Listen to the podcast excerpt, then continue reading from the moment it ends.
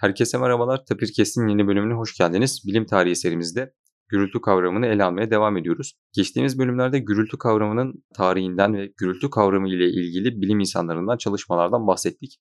Bu bölümümüzde ise bu bilim insanlarından birkaçını artık daha detaylı bir şekilde ele alıp ölçeğimizi biraz daha detaylandırmak istedik. Bunun için ilk defa deterministik fizikten istatistiksel fiziğe geçiş olan, olasılıksal fiziğe geçiş sağlayan Clausius, Boltzmann ve Gibbs gibi bilim insanlarının büyük katkısı olduğu istatistiksel mekanik konusunu ele almak istedik. Clausius, Boltzmann ve Gibbs'in çalışmalarından önce fizikte eğer nesnelerin konumlarını ve yönlerini bilirsek onların gelecekte nerede olabileceklerini ya da geçmişte nerede olduklarını kesin bir şekilde bilebileceğimizi söylüyorduk. Ancak bu bilim insanları bizim bazı şeyleri bilebilme kapasitemizin sınırlı olduğunu, evrendeki her şeyi tam olarak tahmin etme imkanımızın olmadığını, bunu gerçekleştirebilmek için e, işaret işleme diliyle, haberleşme diliyle sonsuz band genişliğine ihtiyacımız olduğunu, yani e, neredeyse tanrısal ilahi bir güce sahip olmamız gerektiğini ortaya koydular. Bu bilim insanlarının gürültü kavramı konusunda, gürültü konusundaki çalışmalarının önemini bölümümüz içinde değiniyoruz. Keyifli dinlemeler dileriz.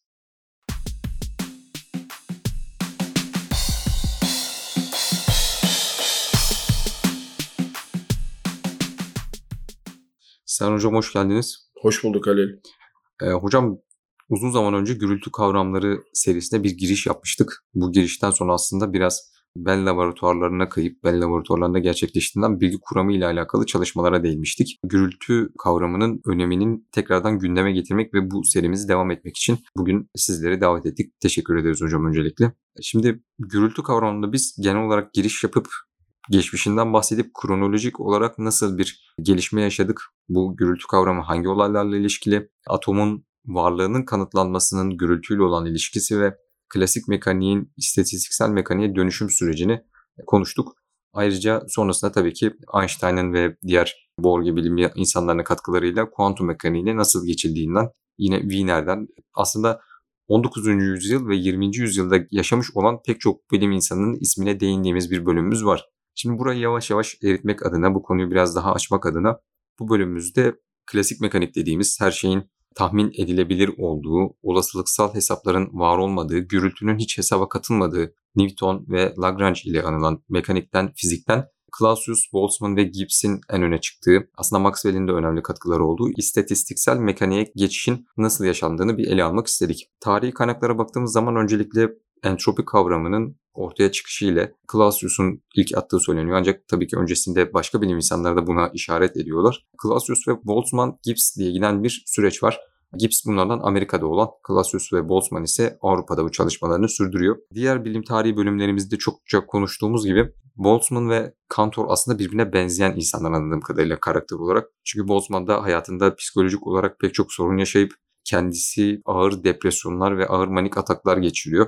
Bunun en büyük sebeplerinden biri de o dönemde halen insanlar yani o dönem dediğimiz 19. yüzyılın sonları 1800'lerin sonları insanlar gerçekten atomların varlığına halen inanmıyorlar ve ciddi tartışmalar ön plana çıkıyor. Boltzmann'ın kendi çalışma arkadaşları, Boltzmann'ın üniversitesinde bulunan insanlar, bilim insanları onunla dalga geçiyorlar dahi diyebiliriz. Böyle şeyler olunca tabii insanın psikolojisi bozuluyor. Ancak Boltzmann bu fikirlerinden bildiğim kadarıyla hiçbir zaman geri adım atmamış ve oldukça dik kafalı bir insan. Sizin daha önce bu alanlarda da birkaç çalışmanız olduğunu ve bu alanlarda bilginiz olduğunu biliyorum hocam. Sizce bu gürültü ile birlikte aslında klasik mekanikten istatistiksel mekaniğe geçiş nasıl ortaya çıktı? Bir ihtiyaçtan ötürü ortaya çıktığını artık bazı noktalarda klasik mekaniğin yetmediğini düşünüyorum. Ancak bunun tarihsel olarak gelişimini bir de sizden dinlemek isterim. Halil öncelikle beni yine bu platforma davet ettiğiniz ve konuşma fırsatı verdiğiniz için teşekkür ediyorum. Konuya Sir Isaac Newton'dan başlamak istiyorum çünkü konunun önemli bir kısmı var. Isaac Newton'un hayatı neredeyse deterministik bilime adanmış. Hatta bir tarihsel okuma gösteriyor ki Isaac Newton'un borsada çok önemli para kaybettiğini de biliyoruz. Bayağı büyük bir yatırım yaptığı için. Olasılığa kafasının basmadığı tırnak içerisinde kendisi tarafından ifade edilmiş bir en azından mektup yazışmaları olduğunu biliyoruz. Şimdi bu tabii dediğin gibi çok önemli bir ayrım. Yani bir olguyu deterministik olarak ifade etmekle bunun içerisine olasılıksal süreçleri dahil etmek ve ondan sonra bunu takip etmek ya da kestirmeye çalışmak, anlamaya çalışmak, modellemeye çalışmak belki matematiksel olarak aynı ama nispeten zor bir iş. Dolayısıyla konunun bence başı buradan geliyor diyebiliriz. Yani olasılıksal süreçlerin artık bir şekilde sürece dahil edilmesiyle alakalı durum. Şimdi konunun istatistiksel mekaniğe yansımasından hemen önce aslında celestial mechanics dediğimiz yani o zamanlar insanların üzerinde sıkça kafa yorduğu Newton'un tabii çok büyük etkisiyle ortaya çıkan gök cisimlerinin hareketini gözlemede aslında bunu görüyoruz ilk.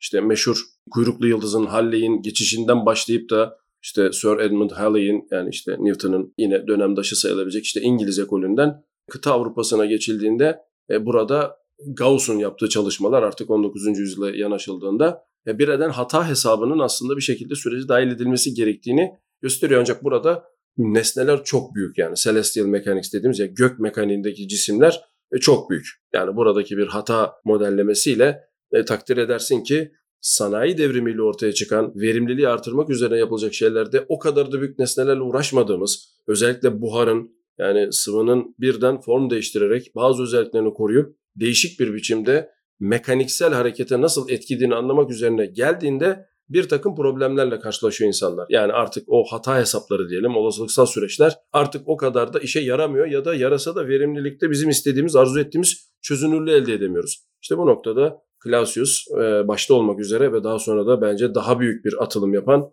e, Boltzmann, Ludwig Boltzmann çok önemli iki tane bilim insanı. Çünkü buradaki farklılığı görüp yani buradaki olasılıksal süreçlerin nesnelerin ya da sürece dahil olan olguların boyutlarıyla ilgili olduğunu ve bu boyutlar işin içine girdiğinde matematiğin biraz daha derinleşmesi gerektiğini belki de ilk göz kırpan insanlar. Dolayısıyla bu bence geçiş doğrudan bir istatistiksel mekaniğe geçiş diyemeyiz. Gökyüzüne çıkış, yeryüzüne iniş ve daha sonra senin de söylediğin gibi atom altı ya da atom seviyesindeki parçalar üzerine insanların kafa yorması olarak bence tarihsel olarak ya da kronolojik olarak incelenebilir diye düşünüyorum Halil. E, hocam aslında burada istatistiksel mekaniğin başlangıcı olarak ısının maddeler içerisinde dağılımını genel olarak ele alan ve ısının evrendeki yerini ele alan termodinamik konusu gündeme geliyor.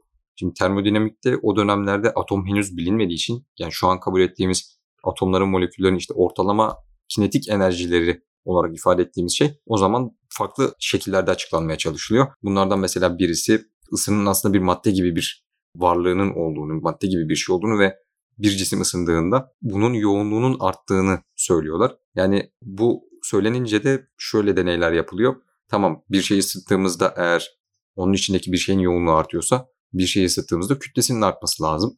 Ancak de- deneyler yapılınca görülüyor ki bir şeyi ısıttığınızda onun kütlesinde herhangi bir artış meydana gelmiyor. O zaman bunun yanlış olduğunun ilk ipuçları, bunun farklı bir şekilde açıklanması gerektiğini ilk ipuçları ortaya çıkıyor.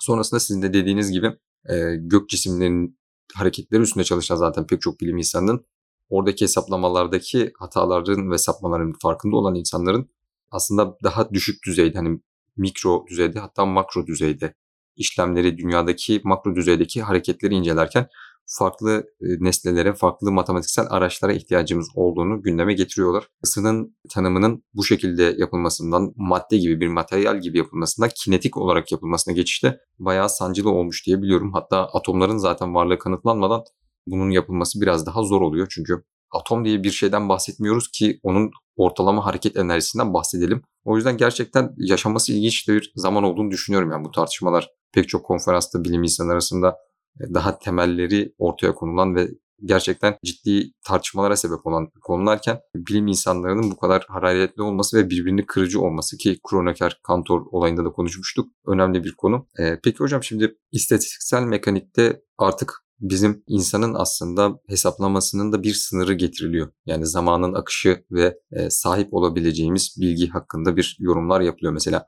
evrendeki bütün gök cisimlerinin şu anki mevcut konumlarını ve hareketlerini bilirsek bunu tersine alabilir miyiz ya da ileride nerede olacağını tahmin edebilir miyiz? Bu bir problem. Ya da biz bir odadaki gazı belirli bir noktada dağılımına başladıktan sonra bunun homojen bir şekilde odaya dağıldığını biliyoruz. Öyle bir gücümüz olsa, öyle bir bilgi kapasitesine ve etki gücüne sahip olsak ki biz bu gazı acaba tekrardan ilk başladığı noktaya döndürebilir miyiz gibi bir soru çıkıyor. İstatistiksel mekanik buna bildiğim kadarıyla hayır yapamazsınız diyor. Bunun sebebinin aslında biraz da daha sonraki kuantum olaylarıyla da ilişkili olduğunu aklımıza geliyor. Yani belirsizlik ilkesiyle bağlantısında biliyoruz. Yine bizim alanda da zaman sınırlı bir işaretin frekansının bandının sonsuz olması ve band sınırlı bir işaretin zamanda sonsuz olması gibi konularda bağlantısını kurabiliyoruz. Bu noktada sizin e, görüşünüz nedir? Yani zamanın oku denilen çokça tartışılan bir konu hakkında sizin fikrinizi almak isterim. Biraz uzun bir cevap vermek istiyorum müsaadenle Halil. Çünkü çok ilginç anahtar noktalara tarihsel süreçteki gelişime de baktığımızda dokundun. Onlardan bahsetmek bence gayet önemli. Lavoisier'den bahsetmek gerekiyor. Çünkü sen ısının ısınan cisimlerin yoğunluğunun artması gerektiği değil mi? Eski işte Aristo, Eflatun. Ekolünden değil mi? İşte o dünyayı modellerken, evreni modellerken ateşin ayrı bir yapısı olduğu. Dolayısıyla o yüzden onun yukarı doğru çıktığını, göksel bir şey olduğunu söyleyen bir ekolden gelen insanların işte 2000 yıla yakın bunu sürdürmelerinden bahsediyoruz. Lavoisier burada ilginç bir bilgi paylaşıyor bizimle. Sistemin değil mi kapalı, çevrimi olmayan bir sistemin içerisindeki kütlenin değişmediğini söylüyor. Bu yine az önceki bağlamda ısıyla da bağlantılandırılabilir. Doğru bir önerme. Ancak e, biz biliyoruz ki artık genel görelilik nedeniyle bir cisim hareket ediyorsa ki kinetik enerjiyi artık e, istatistiksel mekanik çerçevesinde moleküler etkileşim olarak bildiğimiz için ona bir hız kazandırdığınızda genel görelilik hızlanan bir cismin kütlesinde değişim öngörüyor. Aslında Lavoisier'i biraz e, devre dışı bırakan bir görüş. Tabii genel göreliliğin hani bu sürümünün çok küçük ölçeklerde bizde gözlemlendiği düşünülürse hani Lavoisier'in hala kuralının geçerli olduğunu söyleyebiliriz. Ancak buradan e, şuraya geçmek istiyorum. Bu bilgi dahilinde özellikle kimya alanındaki gelişmeler ve termodinamik alanındaki ilerlemeler gök cisimleri mekaniğiyle birleştiğinde karşımıza iki tane isim çıkıyor senin de e, az önce işaret ettiğin üzere. Tabii ki büyük dev Laplace ve onun aslında tırnak içerisindeki öğrencisi Fourier. Fourier'in zaten doktora tezi ısının katı cisimler üzerinde yayılması üzerine ki orada da işte Napolyon'un yapmış olduğu savaşlardaki işte top dökümünü nasıl verimli hale getiririzden çıkan bir problemin çözümü üzerine gidiliyor. Şimdi bu konuyu birbirine bağlayan çok ilginç bir durum ortaya koyuyor. Çünkü Fourier'in ortaya koyduğu çözüm, Laplace'ın daha sonra genelleştirdiği yapı Newton mekaniğine atıfta bulunurken hata hesabının mutlaka işin içerisine girmek zorunda olduğunu söylüyor. Laplace'ı Laplace yapan belki de en önemli çalışmaların başında işte o göksel mekanikle ilgili yazdığı eser Napolyon'a sunup işte tırnak içerisinde bazı tartışmaların yaşandığı durum. Ancak burada durmuyor mevzu çünkü e, Newton mekaniğinin hala domine ettiğini düşünen bir takım işte gene benzeri arkadaşı biliyorsun hocası hatta Lagrange için de benzer bir durum söz konusu. Alternatif bakış açıları ortaya konuyor ve bir 19. yüzyıla doğru bir kriz ortaya çıkıyor aslına bakılırsa. Yani deterministik olduğunu bildiğimiz sistemler mi var? Yoksa deterministik olduğunu bildiğimiz sistemlerde bizim senin deyiminle az önce düşük band genişliğimiz yüzünden ortaya çıkan hatalardan ötürü bir olasılıksal yapım var. E, yanıt her zaman olduğu gibi işte Planck'tan aslında geliyor ve daha sonra takibindeki Einstein'dan geliyor. Hayır bu aslında doğanın çok daha küçük ölçekte bir yapısı yani kuantum mekaniksel bir durumdan kaynaklanıyor. Ancak bunu ilk defa ortaya koyan ve bunu kaldıramayacağını söyleyen de Werner Heisenberg. Yani dolayısıyla burada bir belirsizlik söz konusu ve bu belirsizliği nasıl modellediğimiz, bu belirsizliğin içine neyin nasıl girdiği zaten başlı başına bir konu. Daha önceki podcastlerde de bahsetmiştik. Dolayısıyla senin soruna yanıtı ben tarihsel olarak şöyle vermek istiyorum. Büyük resme bakıldığında mutlak surette teknik imkanlar nedeniyle de o zamanki belki ana akım bilimsel çalışmalar nedeniyle de termodinamik ve göksel mekanik ortadayken bir taraftan da maddenin özünü anlamaya yönelik çalışmaların da ortaya çıktı. Henüz adını söylemediğimiz ama senin verdiğin gaz örneğinde bence adının geçmesi gerektiğine inandığım büyük bilim insanı James Clerk Maxwell'in çalışmaları giriyor ki burada istatistiksel mekanikte işte bunların ortaya konmasında atom fikriyle beraber kinetik enerji, potansiyel enerji, ısı, Boltzmann'ın bu işlere nasıl hükmettiğine dair Gibbs'in adını geçirmek gerekiyor. Ne vakit bunları bir araya koyuyorsunuz işte o zamandan sonra sanayi devriminde buhar makinalarından sonra içten yanmalı motorlara da geçişle birlikte verimliliği nasıl artıracağımız hatta bu artıracağımızın da bir üst sınırı olduğunu Sadi Carnot'un dört zamanlı yapısıyla çevrimiyle daha doğrusu görüyoruz. Bunların hepsinin birleşmesi de zaten bizi alıyor. Kuantum mekaniksel ilerlemenin 20. yüzyılın başına getirdiğinde tamamen mekanize olmuş ama işin içerisinde çok ciddi bir olasılıksal sürecin olduğunu gösteren şu anki çağdaş bilim anlayışımıza doğru getiren Kopenhag yorumuna doğru götürüyor. İşte ondan sonra da zaten standart modele doğru gidiyoruz ki zamanın oku üzerine de zaten yapılan çalışmalarda şu an tartışılan konu standart modelin yeterli olup olmadığı üzerine Tahmin ediyorum bu geçiş üzerine büyük bilim insanlarının neye nasıl baktığıyla alakalı o günkü ana akımın da sözünü ettiği bir takım bilimsel ilerlemenin şu anda mevcut halidir diyebiliriz diye düşünüyorum Ali. Teşekkürler hocam. Şimdi istatistiksel mekanik ve gürültünün buradaki etkisi diye başladık. Ancak konular o kadar birbiriyle iç içe dolanık ve aslında üstünde uzun uzun konuşulması gereken konular ki kısıtlı süremizde 20 dakikanın altında tutmaya çalışıyoruz. Burada ancak bu kadarını ele alabildik. En son söylediğiniz yerden Maxwell'den özellikle diğer bölümlerimizde, ilerleyen bölümlerimizde bahsetmek isteriz. Çünkü genelde bir fizikçiye sorduğunuzda en önemli 3 işte fizikçi dendiğinde Newton, Maxwell ve Einstein diye sıralar. Maxwell'in hayatında bugüne kadar konuştuğumuz insanlar gibi pek dramatik olaylarda yaşanmıyor. Çünkü kendisinin ailesi çok zengin. Buna rağmen neden böyle işlere girmiş diye de özellikle tartışabiliriz. Yani bilimin aslında sadece hayatında bazı sorunları olan insanlar tarafından değil de hemen hemen herkes tarafından, meraklı olan herkes tarafından ortaya konulduğu, uğraşıldığı bir gerçeklikte söz konusu. Ayrıca bilim tarihi de bunu anlamamızı sağlıyor. Bu insanların nasıl düşündüğünü, bu insanların hangi kaygılar ile bu araştırmaları gerçekleştirdiğini iyi bir şekilde açıklıyor diye düşünüyorum. Katıldığınız için teşekkür ederim hocam. Bölümümüzün sonlarına gelmeden önce eklemek istediğiniz son bir nokta var mı? Belki isminin geçmesini istediğimiz bu alanda istatistiksel mekanik deyince genelde alt sıralarda duran ama bizim için çok önemli çalışmalar yapan iki kişinin de adını söylemek lazım. İki kişinin bir arada adını söylemek lazım. Bir tanesi Bose-Einstein yani Bose aslında Einstein'la beraber istatistiksel mekaniği kullanarak kendilerine ait bir dağılımdan bahseder. İşte bu zaten istatistiksel mekaniğin temeli olan. Bunun öncesinde tarihsel olarak da Maxwell-Boltzmann dağılımı dediğimiz bir başka durum var ki bu ikisi iki farklı olguyu modellemek için öne atılan çok ilginç iki olasılıksal durum. Yani Bose'un adını burada geçirmeden açıkçası duramayacağım. Çünkü Einstein'la beraber Einstein'ın daha sonradan tamamen karşı çıkacağı fikirlere ilginç bir şekilde ön ayak olduğu bir olasılıksal dağılım için önemli çalışmalar yapan bir kişi. Daha sonra da katal fiziğinde zaten en sıkça kullanılan Boz yoğunlaşması adı verilen durumunda öncüsü olan Boz'un da adını burada geçirmeden duramayacağım Halil. O yüzden teşekkür ediyorum. Teşekkürler hocam. İlerleyen bölümlerde tekrardan görüşmek üzere. Herkese iyi haftalar diliyoruz.